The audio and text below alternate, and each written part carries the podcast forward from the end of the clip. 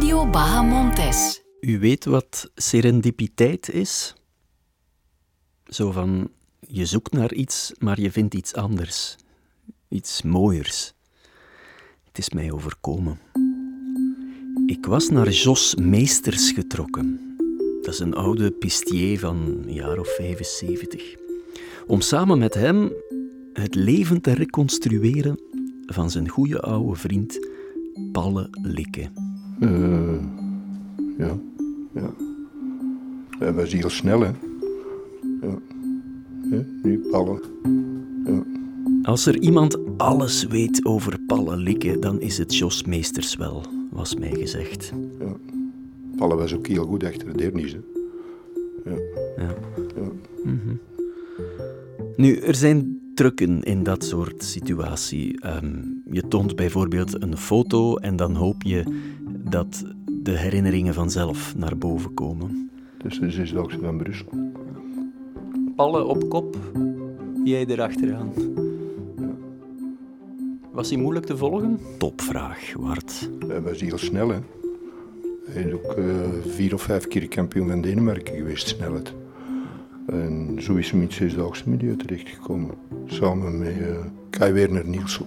Dat was zijn... Uh, zijn uh, allez, hoe noemen ze dat? een compaan. Ja, in die zin dat zesdaagse beginnen rijden, samen. En ik denk dat ze echt zesdaagse samen gewonnen hebben. Begint te komen. Ja. Wat kun je nog vertellen van Paul? Hij was heel perfectionistisch. Tot in het extreme toe. Zelfs thuis, in zijn kast, al die koerstruikers, die worden allemaal gelineerd. Geleidelijk aan komen er anekdotes. Over Ole Ritter. Uh, de vroegere recordhouder. En als hij hier in België was, dan sliep hij bij mijn ouders thuis. Ja, en dan, dan was Palle er ook soms bij. We zijn nooit blijven plakken met Ole Ritter en met Palle. Dan we, we een hoop DN's zijn tegengekomen in Antwerpen in een van die dansings. En dat, dat, dat was natuurlijk lachen. En over de kardanas. Op een bepaalde keer reed mis achter mij en mijn kardanas, die, ik, ik had een Cortina Lotus toen in een tijd. En mijn kardanas die viel er onderuit. En dan is hem niet meer bijgekomen van het lachen omdat hij die zag vliegen. En ik vond dat de tijd stilaan gekomen was om te vragen hoe Rick van Steenbergen en Palle elkaar hebben leren kennen. Ik denk op het moment dat Kai weer naar Nielsen gestopt is met koersen. En uh, toen waren er heel, heel veel metingen in, in Kopenhagen. En zo zullen Rick en Palle die zullen elkaar leren kennen hebben toen. Ja. En hoe Palle en Rick's dochter samengeraakt zijn? Dat weet ik feitelijk niet, hoe dat, dat begonnen is. Dat zal ook waarschijnlijk met een meting geweest zijn, of het een of het ander, maar daar weet ik dus niks van. En hoe het geëindigd is? Daar weet men niks van. En nee, dat weet ik niet, wat er gebeurd is. Heeft Rick daar ooit over verteld? Nee. nee. nee. Als je nu zijn naam googelt, dan bots je op ja, pijnlijke verhalen over drank- en sigarettensmokkel in de Gentse haven. Hebben jullie daar iets van afgeweten? Nooit, nooit niks geweten. Ik wist wel dat hij werkte dus bij de zoon van Kai Werner Nielsen, die was een schipshandelaar. Uh, en uh, ze leverden heel veel aan Deense boten. En in die tijd, ik denk dat er heel, heel veel overdreven is. Want ik denk dat over in toenmalig 100.000 frank of zoiets. Dat is nu 2500 euro. Dus als dat een enorme smokkel is, dan zullen, dan, dan zullen die bedragen wel veel hoger geweest zijn. Dat is nog niet gebeurd. Maar hij heeft dat wel voor de rest van zijn leven meegedragen. Dat hem er niet goed van was, dat dat op het eerste blad stond op, uh, in de kranten in heel de boel. Dat was niet leuk. En veel overdreven. Kan je je, dat is een rare vraag misschien, maar voor een radiomaker is dat een belangrijke vraag. Kan je je zijn stem nog voor de geest halen? Ja, heel goed. Ja? Heel goed, ja. Alle die spreken uh, mooi Nederlands, maar met een Deens accent. Ja. En als je nu een Deen op de radio hoort of zo, en die, en die, die probeert Vlaams te spreken of Nederlands te spreken, die is allemaal met dezelfde intonatie, dat is heel raar. Ik heb een kleine verrassing mee, ik heb zijn stem mee. Ja. Echt? Ja. Zullen we samen luisteren? Ja. ja.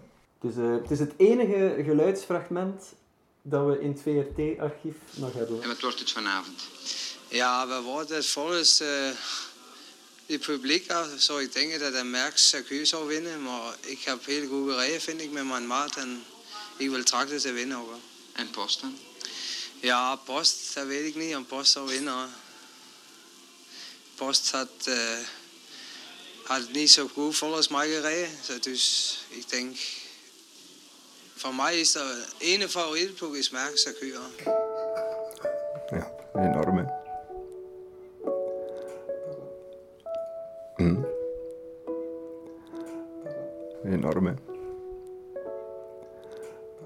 Het is vier jaar zeker nu dat hij overleden is. We waren hem nog gaan halen uh, voor de begrafenis van Chris Smits, van zijn gangmaker. En Chris Smits was mijn gangmaker ook. En dan, dan, is hem, uh, dan zijn we samen naar de begrafenis gereden. En dan vier maanden later uh, kreeg ik een bericht vanuit Rini Wechtmans. Rini Wechtmans, die had dat gelezen en die had mij verwittigd. Dat was ongelooflijk natuurlijk. Was erg, ja. Nee. En plots begint het met de dagen. Jos had me alles kunnen vertellen. Hoe Palle 21 zesdaagses won op 130 deelnames. Hoe hij derde werd in Gent-Wevelgem 1966. Hoe hij de schoonzoon en de ex-schoonzoon van Rick van Steenbergen werd. Wat Rick daarvan vond. Hoe Palle wel al eens van het rechte pad afweek na zijn carrière. Maar uiteindelijk was er van in het begin maar één antwoord dat Jos en zijn vrouw wilden geven. Hij is een hele simpele jongen. Ja. Niet ballen. Nee. Een reuze gast. Ja. Een vriend, een echte vriend in de zuivere zin van het woord was Palle. Ja. ja, echt wel. En weet je, dat is het schoonste antwoord dat je kan krijgen. Ik heb mijn microfoon uitgezet. Jos is even verdwenen en teruggekomen met een dure fles champagne. En we hebben ze samen gekraakt. Op pallen likken.